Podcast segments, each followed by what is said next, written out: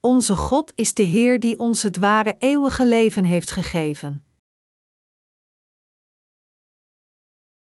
Johannes 3, 35, 36 De Vader heeft de Zoon lief en heeft alle macht aan hem overgedragen. Wie in de Zoon gelooft heeft eeuwig leven, wie de Zoon niet wil gehoorzamen, zal dat leven niet kennen, integendeel, Gods toorn blijft op hem rusten. Door Zijn liefde voor ons, heeft God ons het eeuwige leven gegeven. Vandaag wil ik de boodschap met u delen dat God ons het eeuwige leven heeft gegeven. Johannes 3, 35, 36 zegt: De Vader heeft de Zoon lief en heeft alle macht aan hem overgedragen. Wie in de Zoon gelooft, heeft eeuwig leven. Wie de Zoon niet wil gehoorzamen, zal dat leven niet kennen. Integendeel, Gods toorn blijft op hem rusten. Hier wordt gezegd dat God de Vader het eeuwige leven heeft gegeven aan diegenen die in zijn Zoon geloven. Dit eeuwige leven waar God hierop sprak betekent precies wat het letterlijk betekent: voor eeuwig te leven. Wat een grote zegening is het voor u het eeuwige leven te ontvangen en voor eeuwig te leven? Hoe lang vragen mensen al voor Gods genade, zodat zij voor eeuwig kunnen leven? De Chinese keizer Qin Shi Huangdi, verlangend naar het eeuwige leven, stuurde ontelbare onderdanen erop uit proberend het elixir van leven te vinden zonder enig resultaat. Er is gewoon geen elixir van leven in deze wereld dat feitelijk het eeuwige leven kan geven. Ontelbare mensen hebben gefaald de manier te ontdekken om het ware eeuwige leven te ontvangen. De enige manier voor de mensheid om het ware eeuwige leven te ontvangen is door te geloven in Jezus Christus, de Zoon van God, als de Verlosser. Met andere woorden, de enige manier voor ons om het eeuwige leven te ontvangen is door te geloven in het evangelie van het water en de geest dat de Zoon van God aan ons gegeven heeft. Wij kunnen het eeuwige leven verdienen door ons geloof in de waarheid dat Hij ons van de zonde van de wereld heeft gered te plaatsen. Als we dit overdenken, dat de Heer ons de evangelische waarheid van het water en de geest heeft gegeven dat ons in staat stelt voor eeuwig te leven, kunnen we het niet anders dan heel onze dankbaarheid te geven. Hebt u nagedacht over het eeuwige leven? En weet u hoe verdrietig en tragisch het is om te sterven? Als iemand sterft en zijn geliefde achterlaat, rouwen de achterblijvers over zijn vertrek, verdrietig over het feit dat de gestorvene nooit meer terugkeert naar deze wereld. Het is gewoon een feit dat als iemand sterft, hij nooit meer kan terugkeren naar deze wereld. Dit is waarom zelfs de levenden verdrietig zijn over de dood die komt, zoekend naar een manier om hieraan te ontsnappen. Maar, voor iedereen geldt, als hij eenmaal vertrekt van deze wereld, kan hij nooit meer terugkeren. De dood is voor iedereen gelijk tragisch. Het is omdat mensen niet kunnen terugkeren naar deze wereld als zij eenmaal vertrokken zijn dat zij verlangen naar het God gegeven eeuwige leven. Het is zeer tragisch voor ons om te worden gescheiden door de dood van de mensen met wie we hebben geleefd in deze wereld, want de dood is de scheiding dat ons voor eeuwig van onze geliefde afsnijdt, en leven en dood is zeker een verschil. Iedereen verliest alles en geeft zich uiteindelijk over aan de dood. Onze dood verzwakt onze gedachten en maakt ons verdrietig. Als we ons eenmaal realiseren dat we zullen sterven, dan worden we allemaal hierdoor verdrietig en we verlangen erg naar het leven. Dit is omdat het hart van iedereen verlangt naar het eeuwige leven. Dus als we feitelijk onze dood aanschouwen, realiseren we ons opnieuw hoe kostbaar het leven is. Er wordt gezegd dat als diegene die veroordeeld is tot de dood naar zijn executie wordt gebracht, een plas water ziet, hij er omheen loopt eerder dan er door te lopen. Zij doen dit omdat zij hun verblijf hier op aarde nog willen verlengen. Voor alle menselijke wezens is het goed te leven. Het leven is prachtig. Het leven is zwaar omdat we in deze wereld in kwelling leven. Als er geen lijden is, maar alleen goede dingen, dan is het leven zeer goed en mooi. Hebt u de dood al in de ogen gekeken? Zo ja, dan weet u hoe prachtig het is om te leven. Er was een tijd dat ik mij de kostbaarheid van mijn leven realiseerde. Het volgende verhaal is mij lang geleden werkelijk gebeurd. Ik ben ooit in een ventilatieschacht op het dak van een appartementgebouw gevallen en daar bijna aan gestorven. De constructiewerkers die aan het ventilatiesysteem van het appartementgebouw aan het werken waren, hadden karton over het ventilatiegat gelegd waar zij aan het werken waren. Niets vermoedend, stapte ik op dit karton en viel in het gat. Maar gelukkig bleven mijn beide ellebogen vastzitten in de hoeken van het gat, en daardoor viel ik niet naar de bodem van het gat. Hier niet oplettend, op dat moment kon ik niets anders denken dan dat ik zou sterven. Dus op dat moment raakte ik in paniek. Maar ik herpakte mezelf en realiseerde me dat ik nog steeds leefde en dat mijn ellebogen vastzaten in de hoeken van het gat en mijn voeten loshingen in de lucht. Toen ik voorzichtig naar beneden keek, kon ik de mensen zien wandelen in de straat onder mij. Maar zij waren niet in staat mij te helpen, zelfs al zouden zij mij zien hangen, en ik was ook niet in staat om hun hulp te vragen. Als ik mijn lichaam maar iets zou bewegen, dan zou ik door het gat omlaag vallen. Als ik iets zou vinden om mijn voet op te zetten, dan kon ik ontsnappen uit dit gat, maar er was niets dat ik kon doen. Dit korte moment leek op een eeuwigheid. Vanaf dat moment besefte ik hoe goed het was om te leven. Zelfs met dit ongeluk was ik blij dat ik nog steeds leefde. Hoewel ik aan een zijden draadje hing en ik uiteindelijk mijn kracht zou kunnen verliezen en door dat gat zou kunnen vallen, op dat moment was ik blij dat ik nog steeds leefde en ademde.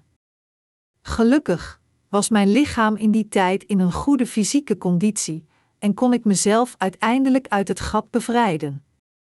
Maar door datgene wat er toen gebeurde, ben ik zelfs nu nog steeds dankbaar dat ik leef. Een andere keer, toen ik op jonge leeftijd aan tuberculose leed. Vertelde de dokter die de tuberculose bij mij diagnosticeerde dat het hem speet dat een jonge man een dergelijke verschrikkelijke ziekte kreeg. Op het moment toen ik dacht dat ik zou sterven, waardeerde ik feitelijk het mysterie van leven eerder dan mij moedeloos te voelen. Toen ik gezond was, had ik weinig waardering voor de schoonheid van de natuur. Als de lente kwam en de natuur weer tot leven kwam met nieuwe scheuten, dacht ik alleen dat het gras weer ging groeien, terwijl de bomen, die de winter overleefd hadden, uitsproten, gingen bloeien en vruchten droegen, vond ik dat niet zo speciaal, en dat de zon opkomt en ondergaat, zag ik alleen als een dag die weer voorbij was. Maar toen ik werd opgenomen in het ziekenhuis, leken als deze dingen, van de groene dennen tot het opgaan en ondergaan van de zon, niet meer zo gewoon. En ik begon een sterke betrokkenheid te krijgen met mijn leven, en geen enkele levensvorm, hoe klein ook, leek niet meer zo onbeduidend. Dus tijdens mijn wandelingen was ik zelfs verbaasd over de paardenbloemen tussen de rotsen, en de mieren die een rij vormden om hun voedsel te dragen leken opeens voor mij zo fantastisch. Iedere morgen, als ik wakker werd met het zonlicht en mezelf uitstrekte, kon ik het leven in mij voelen kloppen. In die tijd leek mijn leven zeer prachtig en verbazingwekkend. Op een dag, toen ik ongeveer een maand in het ziekenhuis lag met tuberculose, zat ik vroeger te eten en keek door mijn venster naar een berg, terwijl de zon langzaam onderging en de avond naderde. Opeens wilde ik gaan wandelen, dus kleedde ik mij aan en begon de berg op te lopen. Op de berg waren de dennenbomen aan het zwaaien door de wind. Toen ik de dennenbomen langzaam op en neer zag bewegen in de wind, voelde ik in mijn hart: Ah! De hele schepping eert God. Toen de dennenbomen aan het zwaaien waren in de wind, waren niet langer voor mij aan het zwaaien, maar ik kon zien dat zij feitelijk God aan het eren waren. En ik was zo verbaasd, dankbaar en verbijsterd door deze nieuwe manier van waardering.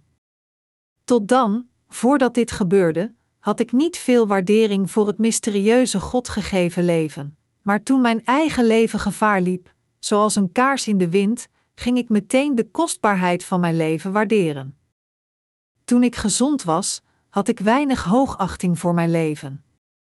Ik schonk niet veel aandacht aan mijn gezondheid, zo erg zelfs dat ik in mijn jeugdig enthousiasme tijdens de wintermaanden in de zee sprong en rondliep met natte kleren nadat ik gezwommen had zonder enige zorg. Maar toen ik mijn gezondheid verloor, kwam ik tot het besef hoe kostbaar het is.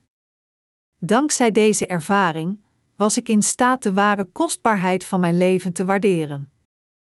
Nu hier denk ik opnieuw aan de kostbaarheid van het leven. Ik ben gaan beseffen dat het feit dat ik het God gegeven leven heb, in en op zich, een prachtig gegeven is. Als het leven op deze aarde zo kostbaar en waardevol is, dan kan ik het wonderbaarlijke leven in het koninkrijk van God nog meer waarderen, waar geen lijden is. Als ik nadenk over het feit dat ik voor eeuwig zal leven als ik deze wereld verlaat en vertrek naar de volgende wereld, dan loopt mijn hart over met vreugde. Het is een zegening om het eeuwige leven van God te ontvangen en met Hem voor eeuwig in eeuwig geluk en eeuwigdurende glorie te leven. Hoe meer ik erover nadenk, hoe dankbaarder mijn hart wordt. Diegenen die niet dit soort van ervaring hebben, diegenen die gezond zijn en niet hun naderende dood aanschouwen, diegenen die niet nadenken over hun dood of geen bijna doodervaring hebben gehad, en diegenen die niet nadenken over het domein van God waar het eeuwige leven is. Deze mensen moeten alle gaan beseffen hoe kostbaar het leven dat God ons heeft gegeven is. God heeft het eeuwige leven aan diegenen gegeven die hun harten gereinigd hebben van al hun zonden door het evangelie van verzoening te accepteren door de Zoon van God. Hoe zegenend is het dat God het eeuwige leven aan al diegenen heeft gegeven die geloven in zijn Zoon? In deze wereld hebben voornamelijk de rijken een grotere verbondenheid met hun leven. De gezonden, de machtigen en de rijken in deze wereld verlangen er zo erg naar een lang leven te leven dat sommigen van hen zelfs de helft van hun rijkdom willen opgeven om nog een dag te kunnen leven. Dit is omdat de dood het einde is van al de zegeningen die God aan de mensheid heeft gegeven. In het Evangelie van Johannes zei God dat diegenen die geloven in zijn Zoon het eeuwige leven hebben, en dat diegenen die niet geloven in de Zoon het leven niet kunnen zien maar dat de toorn van God op hen blijft rusten. Johannes 3 uur 36. Mijn medegelovigen, u moet beseffen dat voor al diegenen die niet de Zoon van God kennen, met andere woorden, voor al diegenen die nog weten nog geloven in de evangelische waarheid van het water en de geest gegeven door de Zoon van God, heel hun blijheid zullen verliezen. Als we niet worden wedergeboren van onze zonde in dit leven, en afgesneden worden van deze wereld door onze dood in een dergelijke zondige staat, alles dat ons wacht in de volgende wereld is het eeuwige lijden. Voor al diegenen die niet geboren zijn uit het water en de geest, wacht alleen hun eeuwige straf komend door de woede van God. U moet beseffen dat voor iedereen, als hij sterft zonder in Jezus Christus te geloven terwijl men in deze wereld is, dit het einde van alle vreugde is en het begin van zijn vloeken. Dood is een verschrikkelijk iets voor iedereen, maar in tegenstelling, het eeuwige leven is een vreugde.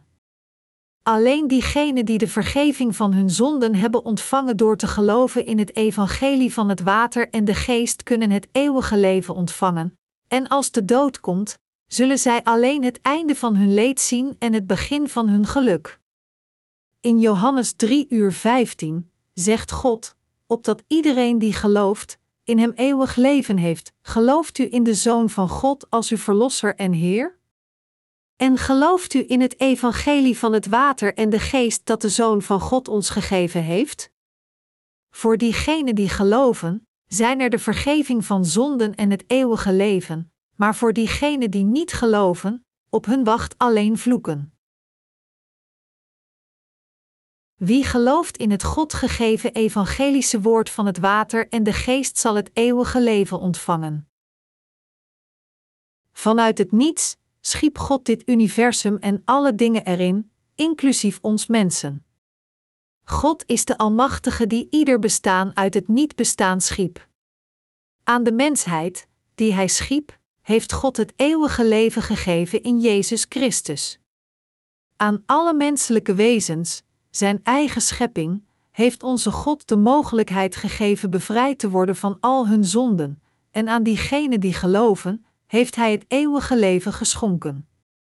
In Johannes 3, 14, 15 zei Jezus Christus, en zoals Mozes de slang in de woestijn omhoog hield, dat diegenen die in hem geloven niet vernietigd zouden worden, maar het eeuwige leven hebben. Hier citeerde Jezus Christus een passage uit het boek van Numeri uit het Oude Testament.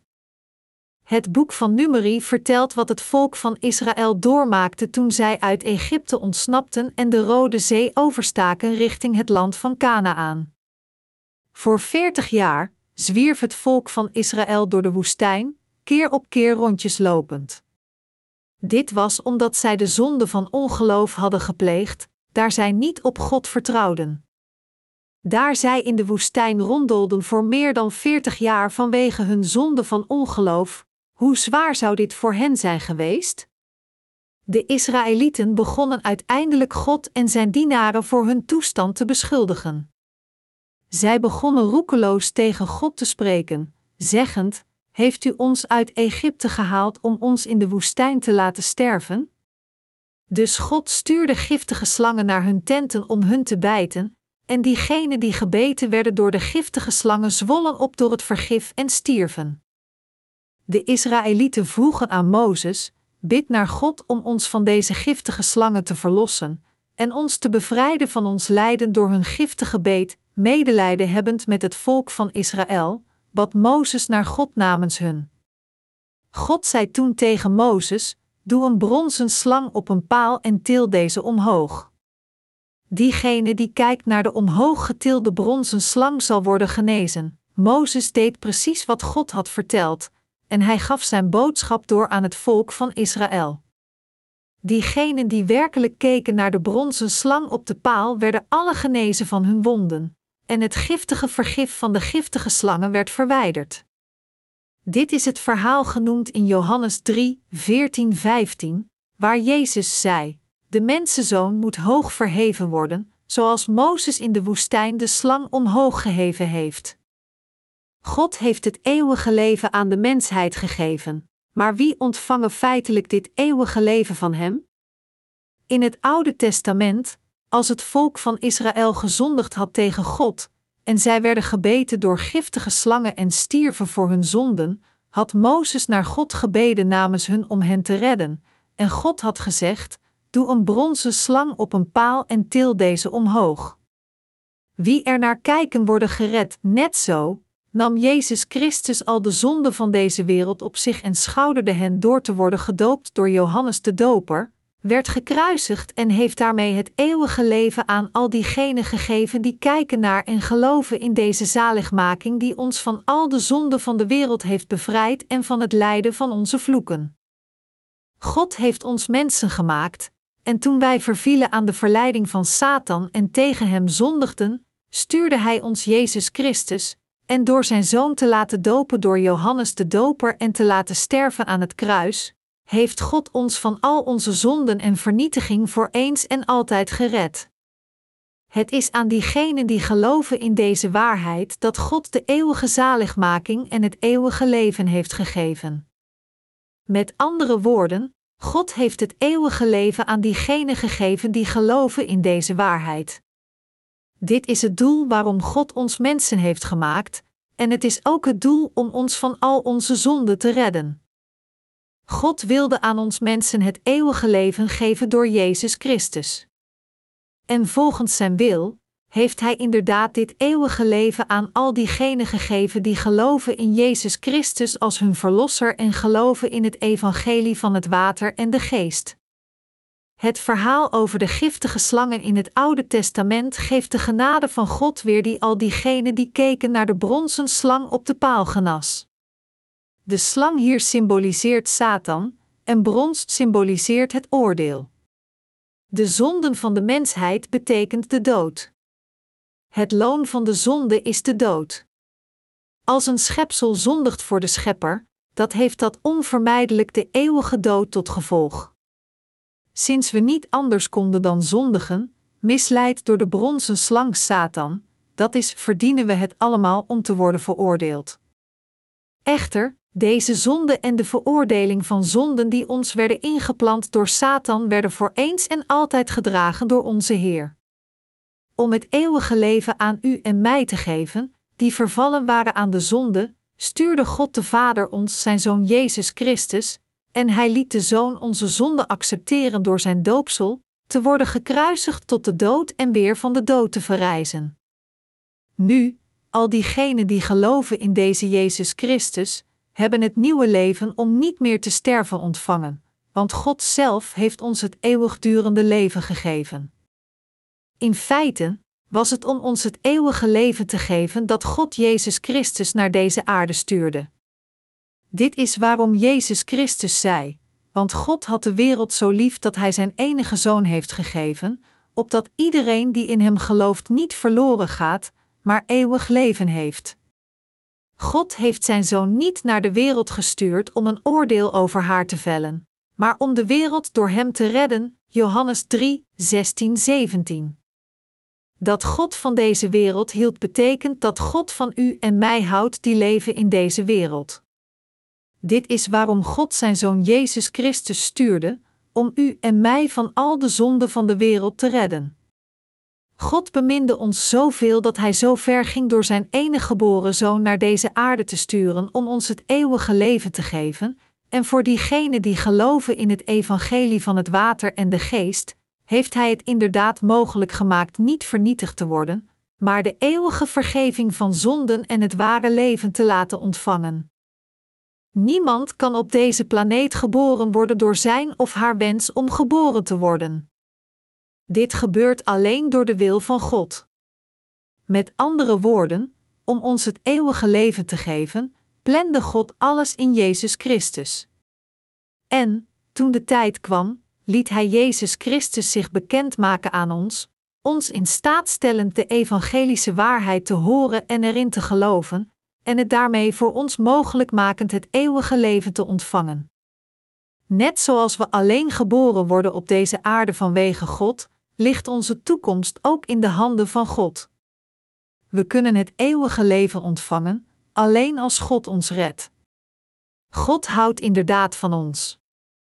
Dit is waarom Hij Jezus Christus naar deze aarde stuurde en de evangelische waarheid van het water en de geest door Hem vervulde, en diegenen die erin geloven, heeft God het eeuwige leven gegeven, terwijl aan diegenen die niet geloven, Hij de eeuwige vernietiging heeft gebracht.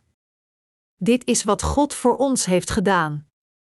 Ongeacht wie of wat we zijn, God heeft u en mij gered, en de hele mensheid, door het evangelie van het water en de geest. Ieder van ons moet nu het evangelie van het water en de geest kennen en erin geloven. God vertelt ons dat voor ons om de vergeving van onze zonden en het eeuwige leven van Hem te ontvangen, we wedergeboren moeten worden uit het water en de geest. Als we gereinigd willen worden van onze zonden en het eeuwige leven van God willen ontvangen, dan moeten we deze zaligmaking accepteren waar we worden wedergeboren van onze oude ego's in nieuwe schepsels. Diegenen die het eeuwige leven kunnen ontvangen zijn niet diegenen dat nog steeds dit vlees vasthouden geërfd van hun ouders en de zielen die bezoedeld zijn met zonden, maar zij zijn diegenen die getransformeerd zijn in nieuwe ego's, wiens zielen en lichamen bevrijd zijn van al hun zonden, die eenmaal gestorven zijn en weer tot leven zijn gewekt door God door hun geloof. In Johannes hoofdstuk 3, waar de geschrifte passage van vandaag overgaat, komt een man voornamens Nicodemus. Nicodemus was een Fariseer. Fariseërs waren zeer religieuze mensen die zich hielden aan het woord van het Oude Testament en de wet, en erin geloofden en het vurig gehoorzaamden. Maar deze man wist niets over het eeuwige leven, of Jezus Christus, of hoe wedergeboren te worden uit het water en de geest. Alles dat hij wist was alleen wat de wet uit het Oude Testament zei. Hij kende alleen en hield zich alleen aan de leerstellingen van de Torah. Maar op een dag, toen Jezus Christus geboren werd in zijn land en met de tijd zijn woord kwam prediken over Israël, kreeg Nicodemus uiteindelijk te horen wat Jezus Christus predikte. Een Jood door geboorte en een Fariseer door een secte, toen Nicodemus naar Jezus Christus keek, dacht hij: deze Jezus Christus is geen gewone man.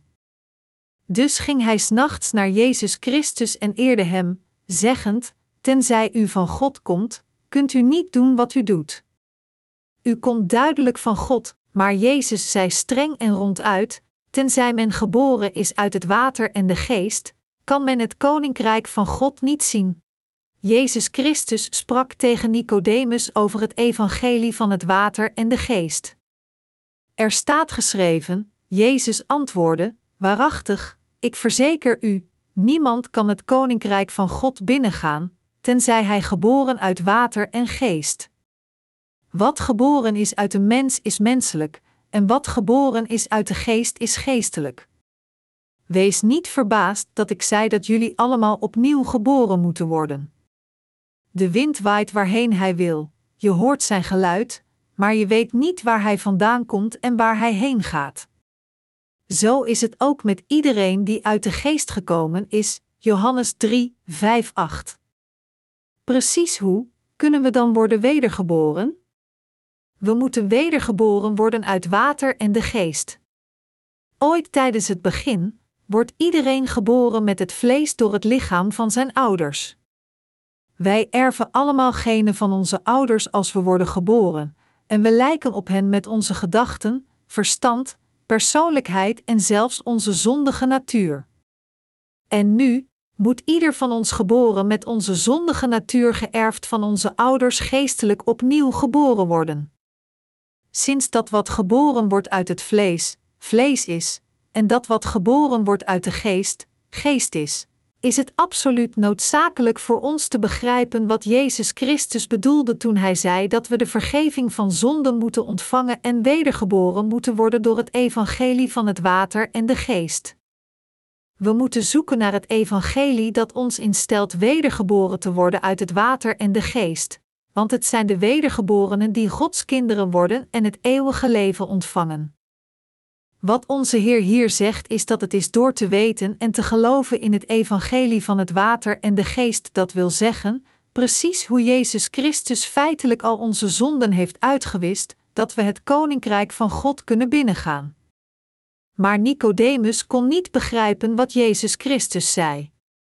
Dus Jezus Christus vertelde hem: Wees niet verbaasd dat ik zei dat jullie allemaal opnieuw geboren moeten worden. De wind waait waarheen hij wil, je hoort zijn geluid, maar je weet niet waar hij vandaan komt en waar hij heen gaat. Zo is het ook met iedereen die uit de geest geboren is, Johannes 3, 7, 8. Kent u het evangelie van het water en de geest, buiten het geboren zijn uit uw moederschoot, levend in het vlees en stervend in het vlees?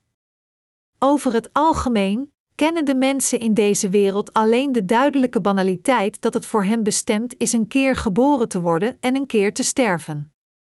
Maar iedereen kan twee keer geboren worden terwijl hij nog steeds leeft. Krekels, vliegen, motten en vlinders worden allemaal twee keer geboren. Verandert een larve niet in een krekel om door de lucht te vliegen? Zodat een rups kan veranderen in een mot of een vlinder, of voor een larve om te veranderen in een krekel, houdt het in dat zij twee keer geboren moeten worden. Moeten wij mensen dan ook niet wedergeboren worden door te geloven in het evangelie van het water en de geest? Jezus Christus vertelde tegen Nicodemus dat men alleen het koninkrijk van God kan zien als men is wedergeboren. Nicodemus begreep dit echter niet, en daarom vond hij het vreemd dat hij opnieuw geboren moest worden. Dus zei Jezus Christus tegen hem: De wind waait waarheen hij wil, je hoort zijn geluid, maar je weet niet waar hij vandaan komt en waar hij heen gaat. Zo is het ook met iedereen die uit de geest geboren is. Men wordt eenmaal geboren uit het vlees en eenmaal wedergeboren uit de geest, er zijn duidelijk diegenen die wedergeboren zijn. Het is omdat u zelf niet bent wedergeboren dat u zich hierover verbaast, en u kunt de wedergeborenen niet herkennen als u hen zou zien. U kent niet de waarheid. In werkelijkheid zijn het de religieuze leiders van deze wereld die niet de waarheid beseffen die de ware reiniging van zonde en de vrijheid van de veroordeling van zonde brengt. Aan u en mijn ziel heeft God de eeuwige zegeningen gegeven. In feite was het om ons het eeuwige leven te geven dat God ons geboren liet worden op deze aarde, als ook om het evangelie van het water en de geest te vinden en te horen. Als men eenmaal geboren is uit de moederschoot, dan is het zo dat als hij het evangelie van het water en de geest tegenkomt, hij wedergeboren wordt. Als hij op deze manier wordt wedergeboren, zal hij zeker het eeuwige leven ontvangen. God liet ons niet gewoon in het vlees leven, maar hij liet ons geloven in het evangelie van het water en de geest om wedergeboren te worden, waardoor wij het eeuwige leven ontvangen en Gods kinderen worden. Echter, de streng godsdienstige gelovigen op deze aarde beseffen dit niet. Dit is waarom Nicodemus toen Jezus Christus tegen hem sprak niet kon begrijpen wat Jezus Christus zei. Inderdaad, de vele dwepers op deze wereld weten niets. Zij weten niets over het wedergeboren zijn uit het water en de geest, de ontvangst van het eeuwige leven, of over het binnengaan van het koninkrijk van God om daar voor eeuwig te leven. En het ergste is dat zij niet weten hoe zij zondeloos kunnen worden. Het is door ons geloof dat wij het eeuwige leven ontvangen, en het is ook door te geloven in het evangelie van het water en de geest dat wij wedergeboren zijn.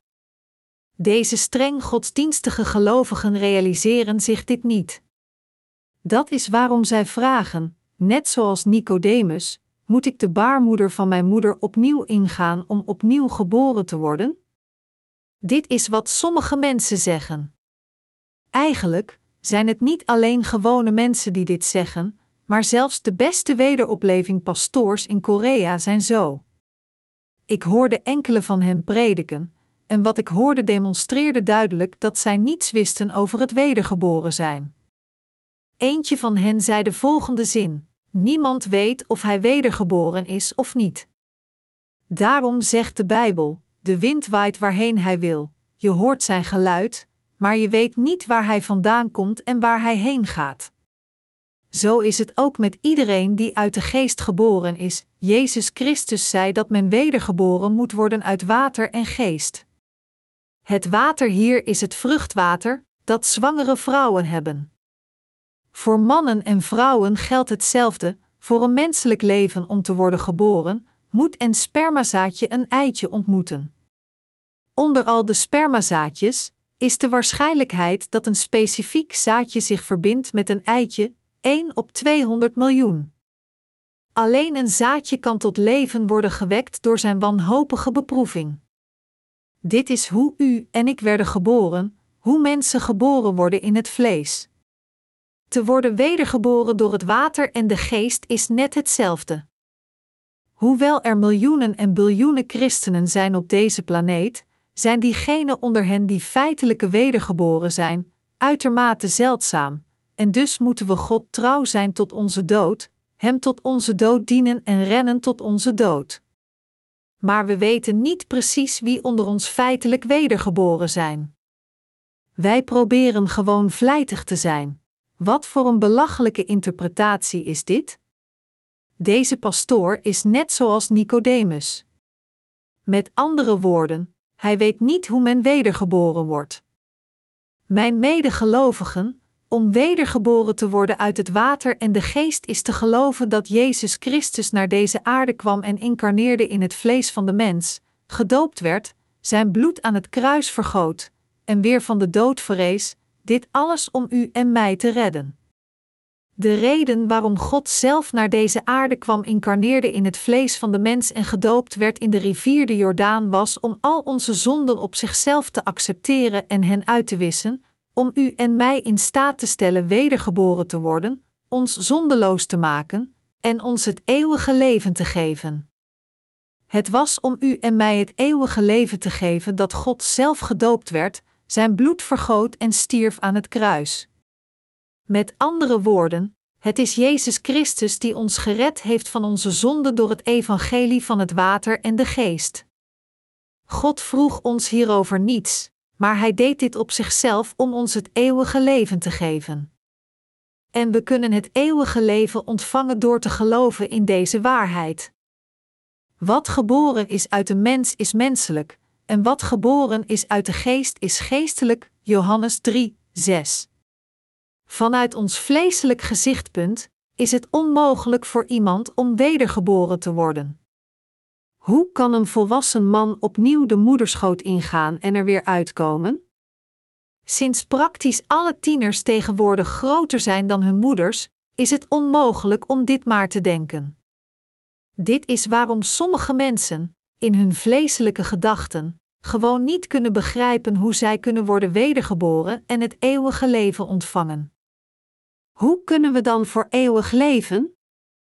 Het concept van het eeuwige leven op zichzelf, vanuit vleeselijk perspectief, is niets meer dan een wens.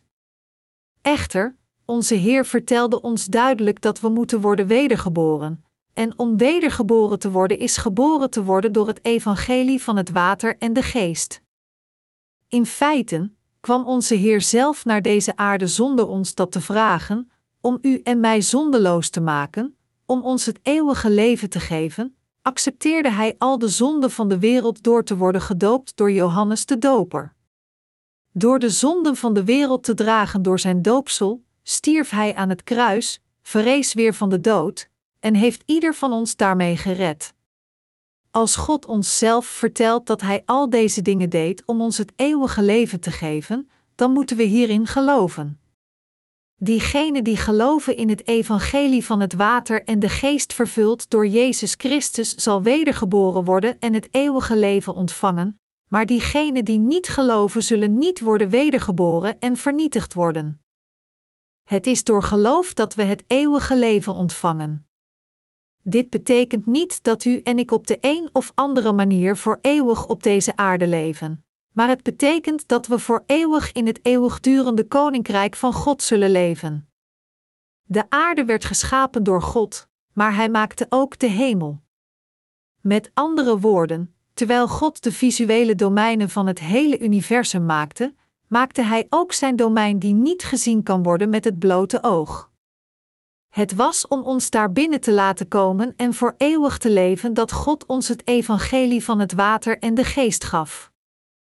Het was feitelijk om ons het eeuwige leven te geven dat God onze nieuwe geboorte plande, zijn lichaam als offer offerde, en het daarmee voor ons mogelijk maakte wedergeboren te worden, ons dus onze nieuwe geboorte en het eeuwige leven gevend.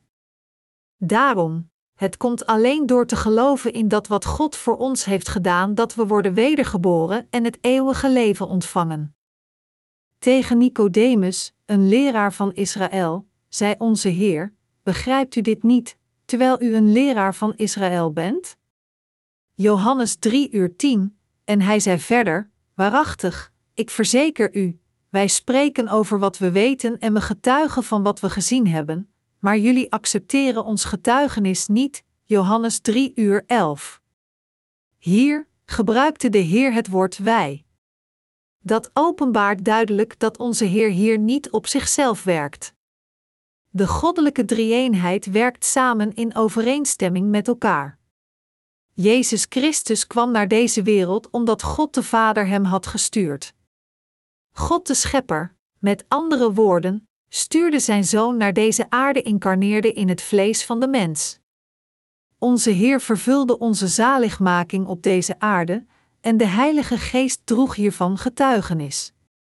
Dit is waarom onze Heer hier zei: Waarachtig, ik verzeker u, wij spreken over wat we weten en we getuigen van wat we gezien hebben, maar jullie accepteren ons getuigenis niet. Johannes 3 uur 11.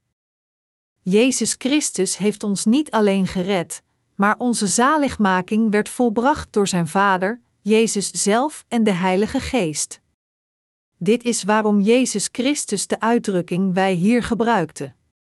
Het was om zijn schepsels wedergeboren te maken, hen het eeuwige leven te geven en hen in Gods kinderen te veranderen, dat onze Heer dit hier zei.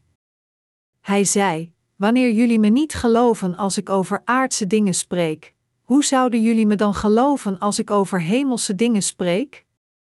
Er is toch nooit iemand opgestegen naar de hemel behalve degene die uit de hemel is neergedaald, de mensenzoon? Johannes 3, 12, 13. Jezus Christus noemde zichzelf de mensenzoon omdat God zelf naar deze aarde moest komen geïncarneerd in het vlees. Deze Jezus Christus, is God zelf die naar deze aarde kwam en incarneerde in het vlees van de mens, is de mensenzoon. In feite, voordat Jezus Christus naar deze aarde kwam, was er geen perfecte vergeving van zonden. En sinds Jezus Christus de ware God is, kon hij opstijgen naar God de Vader. Er is niemand anders behalve Jezus Christus die opgestegen is naar het koninkrijk van de hemel.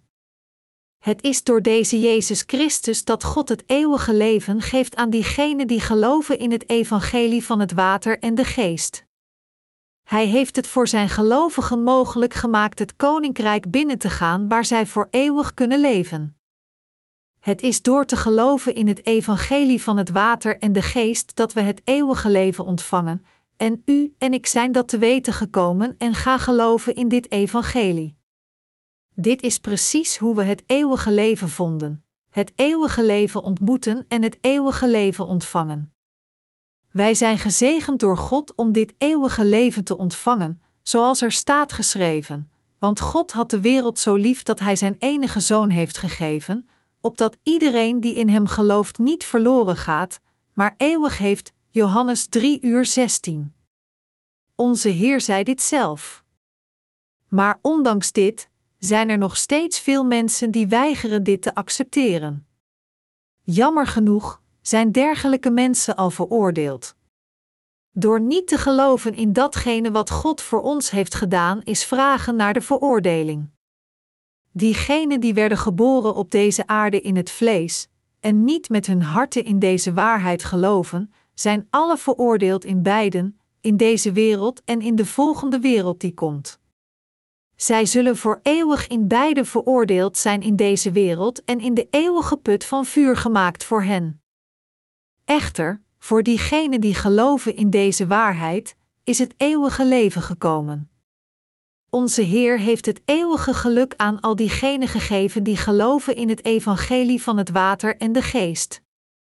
Het leven op deze aarde, waar u en ik worstelen met ons vlees, onze omstandigheden en situaties, is niet alles dat er is. Dit is in feite niets meer dan een illusie en een schaduw. Aan diegenen van ons die zijn wedergeboren uit water en geest, zal het feitelijke ware leven worden gegeven, namelijk dat van het eeuwige leven. Als zodanig hebben wij de gelovigen het eeuwige leven ontvangen. God heeft het eeuwige leven aan ieder van ons gegeven die wedergeboren zijn. Hij heeft ons het eeuwige leven gegeven, zodat onze zielen nooit zouden sterven, maar eeuwig zouden leven. Niets anders dan dit is de liefde van God, de prachtige en grenzeloze liefde die God zo overvloedig aan ons heeft geschonken. En door ons geloof hebben wij deze liefde en ons eeuwige leven feitelijk ontvangen.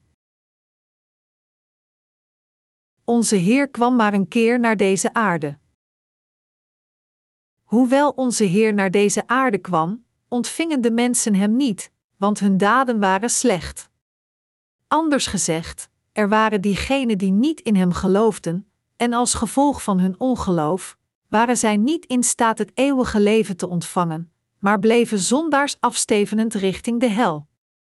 Welk soort van mensen zijn niet in staat wedergeboren te worden uit water en geest? Johannes 3 uur 19 zegt: Dit is het oordeel. Het licht kwam in de wereld en de mensen hielden meer van de duisternis dan van het licht, want hun daden waren slecht. Of men wedergeboren kan worden of niet wordt bepaald of hij meer houdt van het licht dan van de slechtheid. U en ik, en iedere andere op deze planeet, praktiseren allemaal het slechte en onze daden zijn altijd slecht en ontoereikend. Hoewel we allemaal slecht en ontoereikend zijn, zijn er nog steeds diegenen die deugdzaam in hun harten willen leven. Aan de ene kant zijn er diegenen die ernaar verlangen het licht in hun harten te ontvangen en oprechte deugdzaamheid willen praktiseren, maar aan de andere kant zijn er diegenen die meer houden van de slechtheid dan van het licht, zelfs in hun harten. Deze mensen, de laatste, moeten berouw hebben. Zij moeten zich bekeren. God heeft het evangelie van het water en de geest vervuld zodat alle zielen die verlangen de zaligmaking en het eeuwige leven te ontvangen deze inderdaad zouden ontvangen door geloof. Daarom zijn uw harten belangrijker dan uw daden. Hoewel we niet in staat zijn oprechte goedheid te praktiseren, moeten we nog steeds deugdzame harten hebben die verlangen en van de goedheid houden. De apostel Paulus was ook zo, toen hij beleidde: Wat ik verlang te doen, het goede, laat ik na, wat ik wil vermijden, het kwade, dat doe ik. Romeinen 7 uur 19. Wat de apostel Paulus hier zegt is dat ondanks dat hij oprecht goedheid wilde praktiseren, hij uiteindelijk in plaats daarvan slechtheid praktiseerde, want door zijn vlees was hij niet in staat deugdzaamheid te praktiseren. Dit betekent niet dat de apostel Paulus op de een of andere manier meer hield van de slechtheid dan van de goedheid. Ongeacht hoe ontoereikend iemand ook mag zijn, als hij dit in zijn hart toegeeft, de goedheid wil zoeken en ernaar verlangt te worden gered, dan kan hij inderdaad worden wedergeboren door te geloven in het God gegeven evangelie van het water en de geest. Het is alleen na dit dat de oprechte wedergeboren geesten Gods heilige werk kunnen doen. Laat ons niet eindigen als de armzaligen die falen wedergeboren te worden en het eeuwige leven te ontvangen, zelfs als God deze aan ons heeft gegeven. Het doet mijn hart veel pijn te zien dat zelfs als God aan ons de manier om het eeuwige leven te ontvangen aantoont door ons het evangelie van het water en de geest te geven, er nog te veel mensen zijn die van de slechtheid houden meer dan van de goedheid, en hebben daardoor dit onvervalste evangelie gegeven door Jezus Christus geweigerd. Jammer genoeg zijn dergelijke mensen al beoordeeld en veroordeeld. In beiden, in deze wereld en de volgende, blijven zij voor eeuwig in de hel. Het tegenovergestelde van het eeuwige leven is de eeuwige bestraffing. Deze eeuwige bestraffing is voor eeuwig in de hel te leven, in de put van het eeuwige vuur.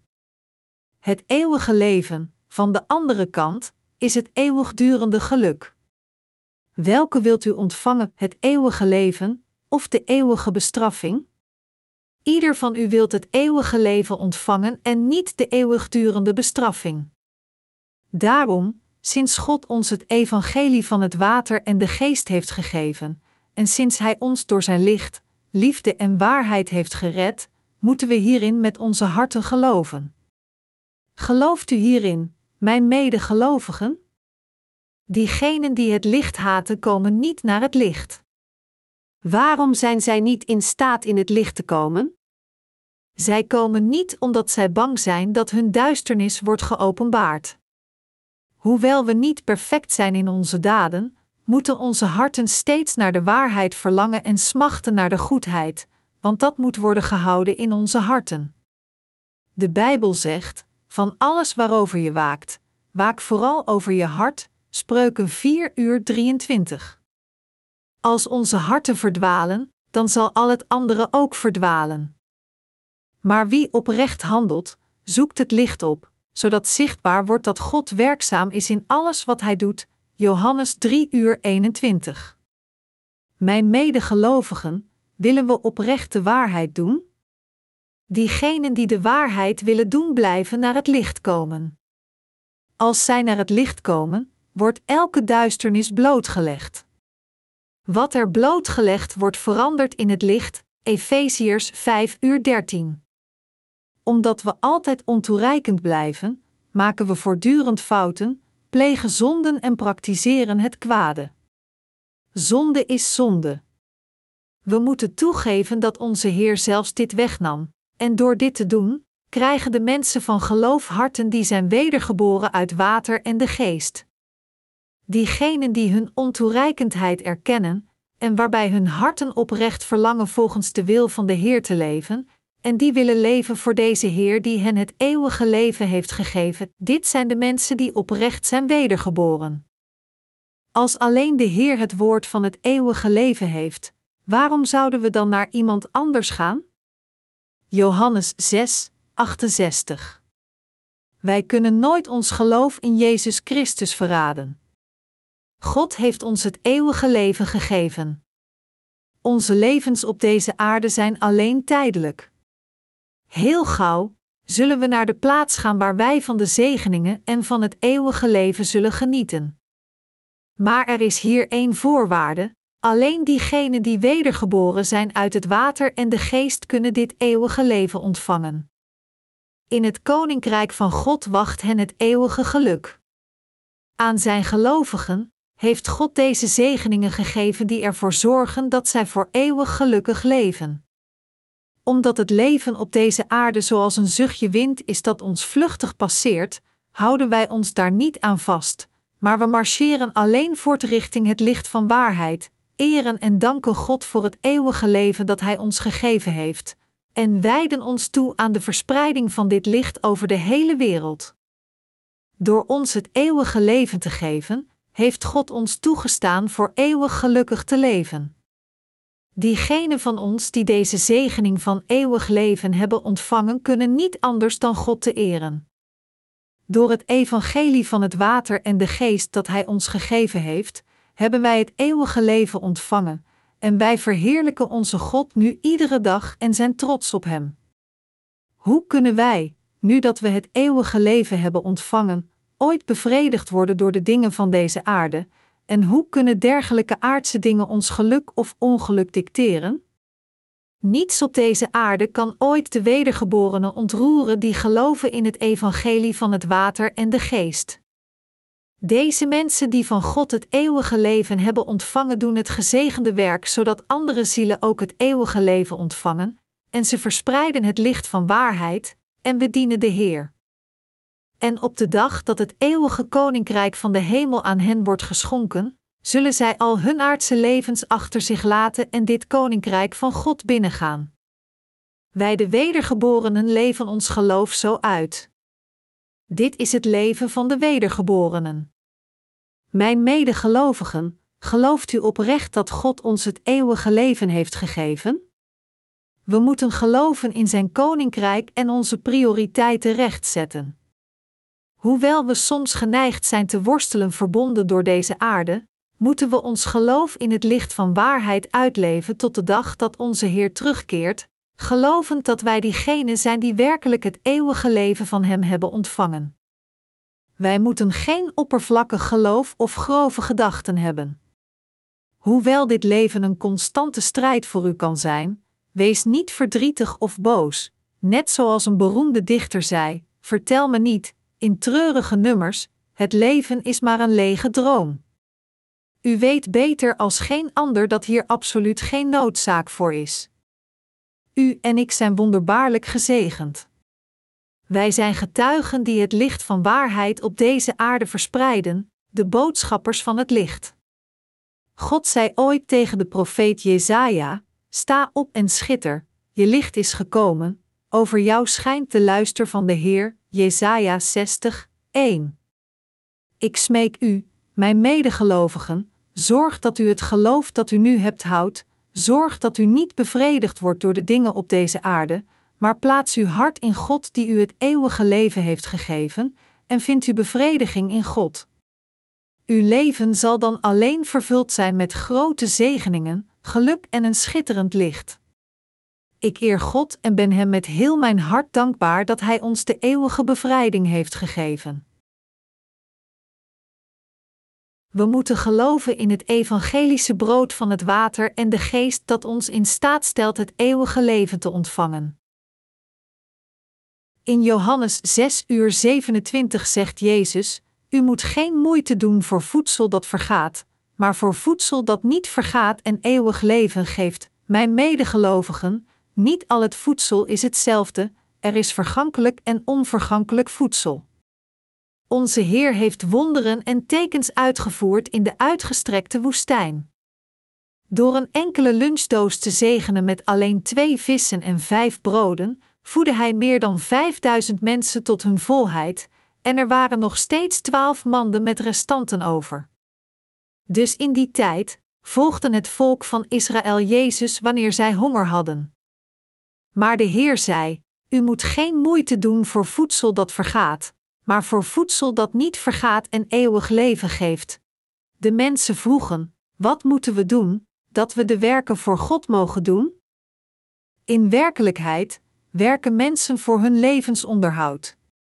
Ook eten zij om hun leven te behouden. Maar soms is het niet duidelijk of zij eten om te leven of dat zij leven voor het eten. Weinig mensen hebben het juiste antwoord. Of we eten om te leven voor God, of we leven om te eten, is verwant aan de vraag of het kip of het eier het eerste was. In werkelijkheid is het om voorspoed en een goed leven te hebben dat de wereldlijke mensen werken. Het is om te leven dat we eten, sinds we alleen kunnen leven als we eten. De reden waarom de mensen van Israël Jezus volgden was omdat zij verlangden naar het brood van het vlees. Zij volgden hem weer omdat we de laatste keer toen ze in de woestijn aan het sterven waren, Jezus het woord van waarheid predikte en daarna wonderen en teken uitvoerde om hen te voeden. Jezus was op dat moment aan de andere kant van de zee, maar de mensen hadden hem zelfs tot daar gevolgd. Tegen die tijd hadden zij natuurlijk allemaal grote honger. Jezus had tegen hen gezegd: U moet geen moeite doen voor voedsel dat vergaat, maar voor voedsel dat niet vergaat en eeuwig leven geeft. Johannes 6 uur 27. Wat Jezus tegen hen wilde zeggen was dat Hij hen al het eeuwige leven had gegeven. Deze mensen vroegen toen aan Jezus: Wat moeten we doen, dat wij de werken van God kunnen doen? Zij dachten dat zij het eeuwige leven konden ontvangen als zij de werken van God deden? Zijn de hedendaagse christenen niet net zo? Zij denken dat zij worden gezegend en gered als zij de werken van God doen. Dit is waarom zoveel christenen toegewijd zijn aan hun kerken, veel nieuwe kerken planten en veel deugdzame daden tijdens hun leven doen. Echter, Jezus zei in tegenstelling: Dit moet u voor God doen, geloven in Hem die Hij gezonden heeft. Johannes 6 uur 29. Met andere woorden, God zelf verklaarde specifiek hoe men het eeuwige leven kon ontvangen. Hij maakte duidelijk dat dit eeuwige leven wordt gevonden in diegenen die geloven in de Zoon. Toen Jezus zei: Dit moet u voor God doen, geloven in Hem die Hij gezonden heeft, Johannes 6 uur 29, vroeg het volk Hem opnieuw: Welk wonderteken kunt u dan verrichten? Als we iets zien, zullen we in u geloven, Johannes 6 uur 30. Jezus zei toen tegen hen: Waarachtig, ik verzeker u, niet Mozes heeft u het brood uit de hemel gegeven, maar mijn Vader, hij geeft u het ware brood uit de hemel. Het brood van God is het brood dat neerdaalt uit de hemel en dat leven geeft aan de wereld. Johannes 6, 32, 33. Toen zeiden deze mensen tegen hem: Geeft ons altijd dat brood, Heer. Johannes 6 uur 34, waarop Jezus antwoordde door te zeggen dat hij zelf dit brood van leven was, zeggend: Ik ben het brood dat leven geeft. Wie bij mij komt zal geen honger meer hebben, en wie in mij gelooft zal nooit meer dorst hebben. En wie bij mij komt zal ik niet wegsturen. Johannes 6 uur 35, 37. Onze Heer beschreef zichzelf als het brood van de hemel. Jezus zei verder: Want ik ben niet uit de hemel neergedaald om te doen wat ik wil, maar om te doen wat Hij wil die mij gezonden heeft. Dit is de wil van Hem die mij gezonden heeft, dat ik niemand van wie Hij mij gegeven heeft verloren laat gaan, maar dat ik hen alle laat opstaan op de laatste dag. Dit wil mijn Vader, dat iedereen die de Zoon ziet in Hem gelooft, eeuwig leven heeft en dat ik hen op de laatste dat uit de dood zal opwekken. Johannes 6, 38, 40. Waarachtig, ik verzeker u, wie gelooft, heeft eeuwig leven. Ik ben het brood dat leven geeft. Johannes 6, 47, 48. En ik ben het levende brood dat uit de hemel is neergedaald. Wanneer iemand dit brood eet, zal hij eeuwig leven. Johannes 6 uur 51. Verwijzend naar zichzelf, maakte onze Heer het zeer duidelijk dat Hij uit de hemel kwam. En Hij zei ook dat Hij uit de hemel kwam om niet zijn eigen wil te doen, maar de wil van de Vader. Hij zei dat hij de werken van de Vader aan het doen was precies zo zoals de Vader hem opgedragen had. Hij volgde de wil van degene die hem stuurde. Wat is dan de wil van de Vader? Het is te geloven in de Zoon. Dus de Vader zei tegen ons: Wilt u het eeuwige leven ontvangen? Hoe kunt u dit eeuwige leven ontvangen? Diegenen die de Zoon zien en in Hem geloven, zullen het eeuwige leven ontvangen. Met andere woorden, zichzelf verklarend, zei Jezus: Ik ben het brood dat uit de hemel kwam. Als iemand dit brood eet, zal hij het eeuwige leven ontvangen. Net zoals onze Heer hier zei: diegenen die de Zoon zien en in Hem geloven, zullen inderdaad het eeuwige leven ontvangen. Anders gezegd, diegenen die onze Heer eten door in Hem te geloven, zijn diegenen die, door hun geloof, deze zaligmaking eten gebracht door onze Heer en zij zullen het eeuwige leven ontvangen. Dit is wat onze Heer zei. Maar ondanks dit, faalden velen in de menigte te erkennen dat Jezus gestuurd was door God de Vader. Het eeuwige leven wordt regelmatig vermeld in het Evangelie van Johannes. Het vertelt ons keer op keer dat God het eeuwige leven aan diegenen heeft gegeven die geloven in de Zoon. Maar de menigte bleef hem vragen voor het brood van het vlees.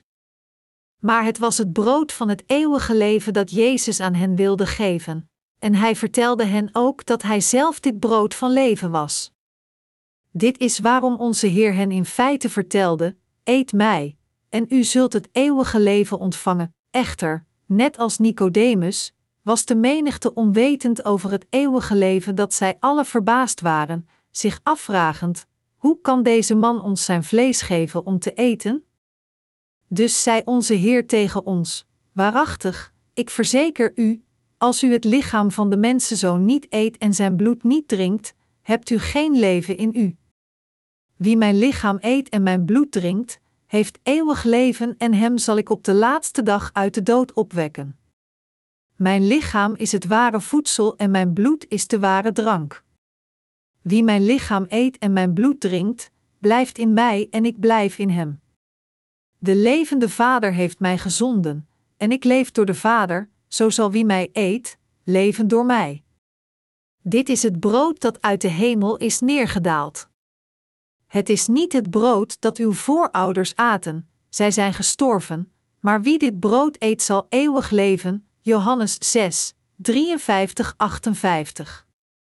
Kortom, als men Jezus door geloof eet, zal men het eeuwige leven ontvangen. Jezus is het ware brood dat het eeuwige leven aan al diegenen brengt die in Hem geloven. Diegenen die geloven in de Zoon van God hebben het eeuwige leven. Dit was de kernboodschap die Jezus probeerde over te brengen aan de Joden tijdens zijn gesprek met hen. Maar de Joden die daar aanwezig waren konden dit niet bevatten, en dus vroegen ze zich af: Bent u dan het brood dat van God kwam? U vertelde ons u te eten, maar hoe kunnen we u dan eten? Moeten we een stuk vlees uit uw lichaam snijden en dat opeten? Denkt u dat wij kannibalen zijn? Hoe kunnen we u eten? Onze Heer legde in detail uit door te zeggen: Mijn lichaam is het ware voedsel en mijn bloed is de ware drank. Wie mijn lichaam eet en mijn bloed drinkt, blijft in mij en ik blijf in hem. De levende Vader heeft mij gezonden, zo zal wie mij eet, leven door mij. Johannes 6, 55, 57. In wezen, toen Jezus zei dat diegenen die geloven in de Zoon het eeuwige leven hebben ontvangen, hij dit bedoelde te zeggen: diegenen die geloven dat onze Heer naar deze aarde kwam, al onze zonden uitwiste en onze ware Verlosser is geworden, die geloven dat Jezus de Zoon van God is en onze Verlosser, die geloven dat Hij al onze zonden op zijn eigen lichaam accepteerde door zijn doopsel, deze zonde van de wereld naar het kruis droeg, gekruisigd werd tot de dood en weer van de dood verrees in. Drie dagen, en daarmee al onze zonden uitwisten, en die geloven dat onze Heer deze Verlosser is, dit zijn diegenen die geloven in de Zoon, de mensen die het eeuwige leven ontvingen door te eten, door hun geloof, het vlees en bloed van de Zoon. Diegenen die geloven in de Zoon van God hebben het eeuwige leven ontvangen. Zij zijn diegenen geworden dat nu het eeuwige leven bezitten. Kortom, het is door in de Zoon van God te geloven dat we het eeuwige leven kunnen ontvangen. Niets anders dan dit is de boodschap die ik geprobeerd heb aan u tot nu toe uit te leggen. Deze Zoon van God nam onze zonden op zijn eigen lichaam door zijn doopsel, werd veroordeeld voor onze zonden door zijn lichaam op te geven, verrees weer van de dood, en door al deze dingen te doen, heeft Hij de zaligmaking en het eeuwige leven aan al diegenen gegeven die geloven in Jezus Christus, de Zoon van God, als hun Verlosser. Dit is waarom Hij die gelooft in de Zoon het eeuwige leven heeft. Jezus zei: Mijn lichaam is het ware voedsel en mijn bloed is de ware drank. Johannes 6 uur 55. Het is door te geloven in Jezus dat u het eeuwige leven ontvangt. U kunt gered worden en de vergeving van zonden ontvangen door te geloven in Jezus Christus. Het is door het vlees en bloed van deze Jezus te eten en te drinken dat u het eeuwige leven kunt ontvangen. Toen Jezus zei dat de manier om het eeuwige leven te ontvangen is door te geloven in de Zoon van God, bedoelde hij dat u dit eeuwige leven alleen kunt krijgen als u gelooft dat de Zoon van God al de zonden van de wereld heeft uitgewist door zijn eigen vlees en bloed. Inderdaad, om ons het ware eeuwige leven te geven, gaf onze Heer ons zijn vlees en bloed, en heeft daarmee ieder van ons gered. Het vlees van onze Heer is inderdaad voedsel, niet waar? Dit betekent niet dat we op de een of andere manier een stuk uit zijn armen of benen moeten bijten om het op te eten, alsof we een stel kannibalen zijn. Nee, dit betekent dat het is door te geloven in de Zoon van God dat we het eeuwige leven ontvangen. Dit wordt er bedoeld met het eten van de Zoon van God door geloof. Het is dus als we met heel onze harten geloven in Jezus dat we het eeuwige leven ontvangen. Jezus, vertelde ons: Wie mijn lichaam eet en mijn bloed drinkt, heeft eeuwig leven. Johannes 6 uur 54. Diegenen dat oprecht het vlees van de Heer en zijn bloed hebben gegeten en gedronken, hebben nu het eeuwige leven.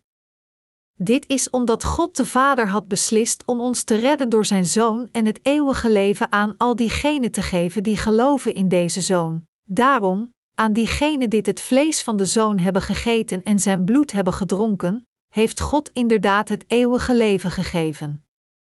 Hoe eten we het vlees van de Zoon van God? We eten het door ons geloof in het evangelie van het water en de geest.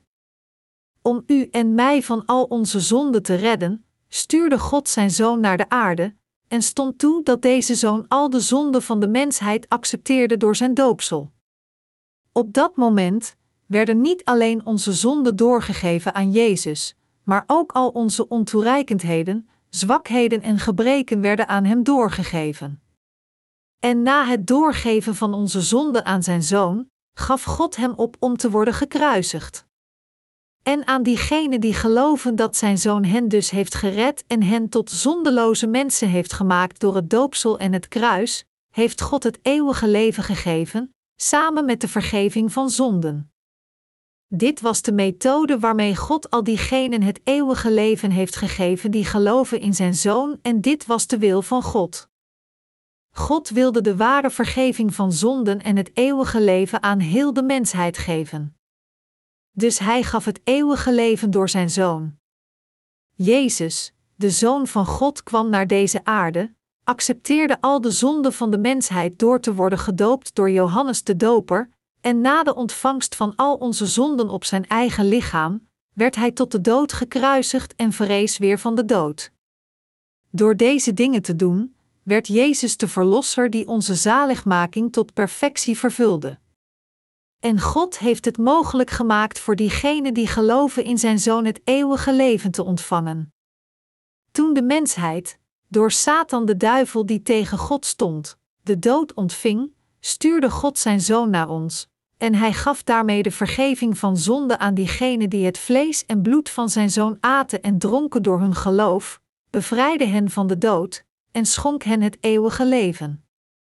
Met andere woorden, God heeft het eeuwige leven aan u en mij gegeven die geloven in Jezus Christus en zijn waarheid. Gelooft u dit, dat God aan onze zielen het eeuwige leven heeft gegeven? Dit is waarom hij die gelooft in de Zoon het eeuwige leven heeft. De Bijbel zegt: 70 jaar duren onze dagen, of 80 als wij sterk zijn. Psalm 90, 10. Maar dit is niet alles van onze levens. God heeft het eeuwige leven aan ons gegeven. Dit eeuwige, nooit eindigende en eeuwigdurende leven is aan u gegeven geworden. Diegenen die, door hun geestelijk geloof, aten en dronken van het vlees en het bloed van Jezus Christus, de Zoon van God, zijn alle gereinigd van hun zonden, en zij zullen voor eeuwig leven in het Koninkrijk van God. Dit leven is anders dan het leven van elk ander schepsel nu levend op deze aarde. God heeft de mensheid in staat gesteld eeuwig te leven, maar alleen als zij wedergeboren zijn van zonde door te geloven in het evangelie van het water en de geest. Ik ben God zo dankbaar om ons het eeuwige leven te geven. Terwijl leven op deze aarde voor 70 of 80 jaar, gaan we door allerlei soorten van emoties, van vreugde tot woede, verdriet en geluk. Maar hoe kort zijn onze levens op deze aarde, als zij maar 70 tot 80 jaar duren? Hoe zinloos gaan onze levens aan ons voorbij? Zij passeren ons in een oogopslag. Mijn medegelovigen, er was een tijd dat ik ook jong was, net zoals de jonge mensen onder ons. Maar ik ben nu al in de vijftig. Ik dacht dat ik nooit oud zou worden. Ik dacht dat er geen plaats was in mijn woordenboek voor het woord vijftig, dat ik voor eeuwig jong zou zijn, maar mijn jeugd passeerde me in een ogenblik, en ik werd oud in geen tijd, en nu zit ik al in mijn vijftiger jaren, waar ik verantwoordelijk ben voor mijn zaken en belast ben door de verantwoordelijkheid van het leven. Mijn medegelovigen, het leven gaat voorbij in een oogopslag. Zelfs als we 70 of 80 jaar zouden leven, diegenen van ons die in hun twintiger jaren zijn, hebben dan al een derde van hun leven geleefd. Als zij het overgebleven twee derde deel van hun leven zouden leven, zullen zij weer veranderen in een handvol stof, en niets zal er van hen overblijven. Zijn onze levens niets anders dan lege dromen? Sommigen van u zullen dit denken. Echter, onze God de Vader hield zoveel van ons dat Hij zijn Zoon stuurde, hem al de zonden van de wereld liet overnemen door het doopsel op zijn lichaam te ontvangen, en deze zoon aan het kruis gaf om te worden gekruisigd, om hem heel de veroordeling van onze zonde te laten dragen. Door dit te doen, heeft God de vergeving van zonden en het eeuwige leven aan al diegenen gegeven die geloven in deze zoon. Gelooft u in het evangelie van het water en de geest?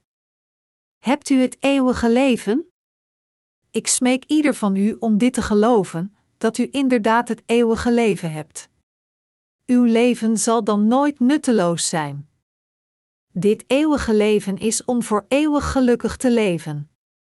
Het is perfect, vrij van vermoeiende onvolmaaktheden. Het is perfect omdat wij getransformeerd zullen worden in goddelijke personen en lichamen om eeuwig te leven. Niemand anders dan u en ik, die geloven in de zaligmaking van het doopsel en kruis van Jezus Christus, de Zoon van God, hebben dit eeuwige leven ontvangen. Gelooft u dit? Soms is het zelfs mogelijk voor u, een gelovige in het evangelie van het water en de geest, depressief te zijn door uw besef van minderheid of belemmeringen, en u vraagt zich af: waarom ben ik zo? Maar u moet dit beseffen: de kinderen van de verdoemenis die niet de vergeving van zonden hebben ontvangen mogen in deze depressie verblijven, maar u, die bent wedergeboren door te geloven in de Zoon van God, bent geen slaaf van de depressie. Verre van, u bent nu degene die het eeuwige leven bezit, zoiets prachtigs dat u feitelijk trots op uzelf moet zijn. U kunt voor eeuwig leven, voor iemand die gelooft in het evangelie van het water en de geest, bent u nu gereinigd van al uw zonden. Bovendien, als iemand die in het bezit is van het eeuwige leven, kunt u ook dit eeuwige leven verspreiden door dit gegeven, is uw bestaan inderdaad wonderbaarlijk. Voor ons om in deze wereld voor 70 of 80 jaar te leven, is in feite om de Heer te dienen. Met andere woorden, God heeft ons gered zodat wij zijn werken, het delen van het eeuwige leven met anderen, zouden doen. Kunt u dit voelen, mijn medegelovigen? Kunt u dit geloven? Het is niemand ander dan uzelf dat nu het eeuwige leven in bezit heeft. Wie anders of wat anders kan ons ooit in deze wereld het geestelijke brood geven? Alleen onze Heer kan ons het geestelijke brood door het evangelie van het water en de geest geven. Dat is waarom het zo een zegening is te geloven in dit evangelie van het water en de geest gegeven door onze Heer. En dat is waarom datgene wat op deze aarde is zo onbeduidend voor ons is. Omdat we op deze aarde leven als reizigers die een korte reis maken, en omdat iedereen in deze wereld moet worden wedergeboren door het geloof dat wij prediken, kan niets in deze wereld ons die wedergeboren zijn bekoren. Dat de vreugde op deze aarde, het geluk en alles in de wereld zo onbeduidend voor ons zijn, is omdat we nu het eeuwige leven hebben. Met het eeuwige leven in ons bezit, kijken we niet naar deze wereld en verlangen we ernaar, een wereld die ons in korte tijd voorbij zal gaan. Sinds we op deze aarde leven als pelgrims en we nu het ware eeuwige leven hebben ontvangen, leven wij om onze God te eren. Daarom, zelfs als we leed, verdriet of moeilijkheden aanschouwen levend op deze aarde, zijn onze harten steeds vreugdevol. Het vlees van de Heer is inderdaad voedsel, en het bloed van de Heer is inderdaad een drank. Door te geloven in deze Heer, zijn wij diegenen geworden wiens harten geen dorst meer hebben. Omdat de Heer zelf de bron van het leven is geworden, hebben onze zielen geen dorst meer. We kunnen dorst hebben als we kijken naar de wereld, maar als we kijken naar de Heer, hebben we nooit dorst. Mijn medegelovigen, God heeft Zijn prachtige genade van zaligmaking aan u geschonken. Als u kijkt naar de Heer door het evangelie van het water en de geest door uw geloof in dit evangelie te plaatsen, zult u gezegend worden nooit meer dorst te hebben voor in alle eeuwigheid.